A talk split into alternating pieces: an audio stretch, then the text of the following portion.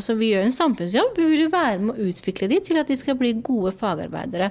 Eh, som da skal være til nytte for både elevene og samfunnet. Hvordan driver skolene veiledning i praksis? I denne episoden av Veilederbua møter vi faglig leder Kiran Ansari. Hun forteller oss hvordan de organiserer opplæringa ved Ammerud skole.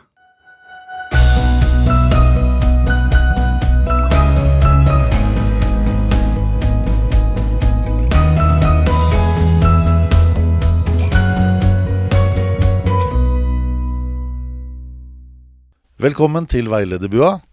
Ansvarlig for episoden er Heidi Gabrielsen. Jeg heter Rune Brekk.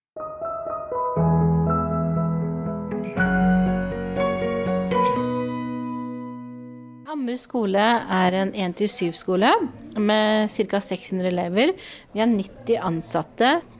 Vi kom fram til at vi har 50 nasjonaliteter.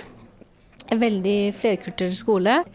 Per dags dato nå så har vi seks lærlinger. Eh, vi har tre førsteårslærlinger og tre andreårslærlinger. Men seks lærlinger, det må jo ta ganske mye tid og ressurser her på skolen? Ja, nå er det jo slik at uh, jeg og Helene, uh, jeg er jo faglig leder, men jeg er mye på gulvet sammen med lærlingen. Og Helene er jo instruktør, uh, og hun har fagbrev selv. Så vi jobber jo som et team rundt lærlingene. Og vi har jo da 100% stilling på aktivitetsskolen, som gjør at vi faktisk har tid til å på en måte hjelpe dem gjennom eh, prosessen. Hvordan begynner da opplæringen når de begynner i skole AKS? Opplæringen begynner jo slik at de er sammen med en kontaktlærer på skolen. Så er de sammen med en barne- og ungdomsarbeider på aktivitetsskolen. Hvor de da er delaktive i aktivitetene, det med å uh, veilede elevene, samtidig som de ikke sant, selv er under en prosess. Fordi en, en lærling har jo en sånn todelt rolle, hvor de er ansatte, samtidig som de er også studenter selv. Uh, og det er jo den, det første halvåret sier vi at vi bruker på å bli gode arbeidstakere, rett og slett. Og så prøver vi nå at vi har sånn rullering på fire til seks uker, hvor de får gått gjennom flere trinn. Slik at de får med seg alderstypiske trekk fra forskjellige aldersgrupper. Og det fungerer veldig, veldig fint. Når man jobber på skolen, så er det jo mange ansatte. Altså Man har jo samme rammeverk, men man har en metodikk som kanskje er forskjellig. Og da er det rom for at lærling kan plukke med seg litt sånn gode ting fra alle ansatte som jobber. Så de første seks månedene går liksom på å bli kjent med skolen, rett og slett, egentlig. I skoledelen, mm. har lærlingen noe plantid sammen med lærerne? Det har de. Eh, I begynnelsen av skolestart altså, eh, så har vi et sånt seminar som går over to dager.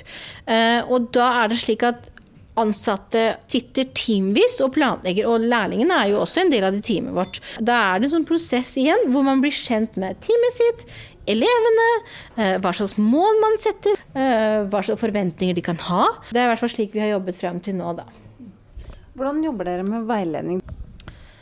Nå er jo vi så heldige, som sagt, at vi er mye på gulvet. Eh, og eh, vi ser dem eh, ganske så ofte på aktivitetsskolen, og prøver å gå innom klassene på skoletid også. Og da ser vi de i hverdagen deres. Hvordan de fungerer med elevene, hvordan de fungerer med sine kollegaer. Hva mestrer de? Hva interesserer de seg for? ikke sant? Og, og, og det gjør at vi på en måte er med under hele prosessen. Så har vi jo noen dyktige fagarbeidere også uh, på, på, jobb, som på en måte er rollemodellene deres. De, uh, de, stiller jo dem spørsmål også. OK, kan vi gjøre det sånn? Uh, nå skjønner jeg ikke helt. Kan du hjelpe meg? Altså jeg tenker at Vi driver med veiledning hele tiden i form av om det er skoletid eller akstid, men, men det er konstant veiledning, tenker jeg. Men i loven står det én-til-én-veiledning ca. en time i uka. Hvordan gjennomfører dere det? Vi setter jo av da fire timer hvor de da får én time veiledning hver for seg, så har vi en fellesøkt også. Noen ganger så sitter vi og reflekterer alle sammen, andre ganger så får de én til én. Nå som det nærmer seg fagprøven, så har vår instruktør nå begynt å sette av da ekstratid, hvor hun har én til én veiledning med de som da skal gå opp til fagprøven. Du sa dere hadde noen fellestemaer. Hva kan være fellestemaer? Fellestemaer som vi har hatt fokus på de siste nå, i hvert fall med førsteårslærlingen, er det med språkbruk. Konflikthåndtering. Hvordan kan vi være gode rollemodeller for dem? Fordi at mange av våre lærlinger er jo unge. Så er det det å liksom ha den balansegangen på at hvordan man skal være venn, men samtidig også bestemt og omsorgsfull. Så vi jobber mye med det, da. Det vi også gjør i begynnelsen av, av skoleåret, er å fange opp interessene deres. Eh, hvordan vi kan bruke deres interesser inn mot AKS spesielt. Eh, bare nå har vi jo da to håndballjenter som faktisk har et eget kurs for elever på aktivitetsskolen fra første til og med fjerde. De jobber da med det med lagspill, eh, det med samarbeid, det med turtaking. Ikke sant? og, og, og Igjen, lærlingene får mye utbytte av det, fordi det er det feltet de interesserer seg i. Her på Ammerud så er dere én faglig leder og én veileder eller instruktør. Hvordan er ansvarsfordelingen mellom dere?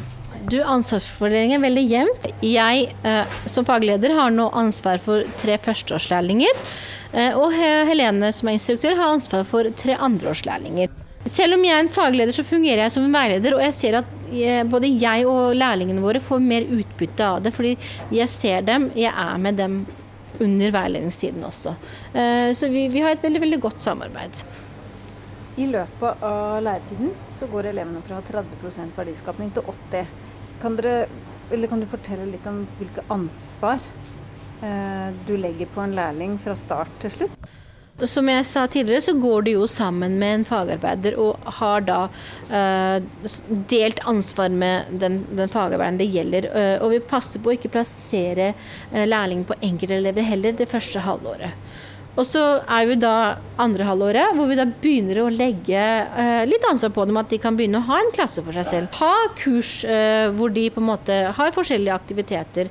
Eh, og da får du tid til å sitte og planlegge alt i forkant. Eh, og så kommer vi da til tredje halvåret, hvor de får litt mer ansvar. Da kan det hende at man setter en enkeltelev sammen med dem. Hva er ditt hovedfokus eh, når du tenker på arbeidsoppgaver? Altså, De skal mestre ting, og skal de få den der opplevelsen av oi, det her klarte jeg. For det er jo med på å bygge den verdiskapningen. Og vi utfordrer jo sånn eh, underveis hele tiden. Her kan jeg kanskje eh, presse litt til. Her trenger jeg liksom å kanskje senke ned tempoet litt. Så det er det å lære å kjenne lærlingene sine og få en god relasjon til dem. Eh, for det føler vi gjør et veldig godt utbytte av deres læreprosess også. For da vet vi hvordan lærlingene våre på en måte fungerer optimalt til ulike ting. Hva skal til for at det blir vellykka på en skole å ha lærlinger? Det jeg føler på en måte har vært suksessen her på Ammerud skole, er jo det at fagleder fungerer som en veileder også, og at man har kontinuerlig samarbeid rundt alle lærlingene. Uh, man reflekterer, man uh, gjør tanker, man snakker sammen. Man er med på alle prosessene. Det viktigste av alt er jo å se lærlingene på gulvet. Se de i arbeid. Se de i gjennomføre enkle aktiviteter. Eller bare det å ta et opprop og krysse inn. At man, Lærlingene må også på en måte få den der følelsen av at ok, vi blir ivaretatt. vi blir sett, altså, vi blir på en måte sett og hørt. Det tror jeg har vært suksessen her hos oss. Og at fordi at vi har jo struktur rundt både veiledningstid, eh, innkjøringer, eh, planleggingstid. Altså vi, vi har ganske strukturert her på skolen vår.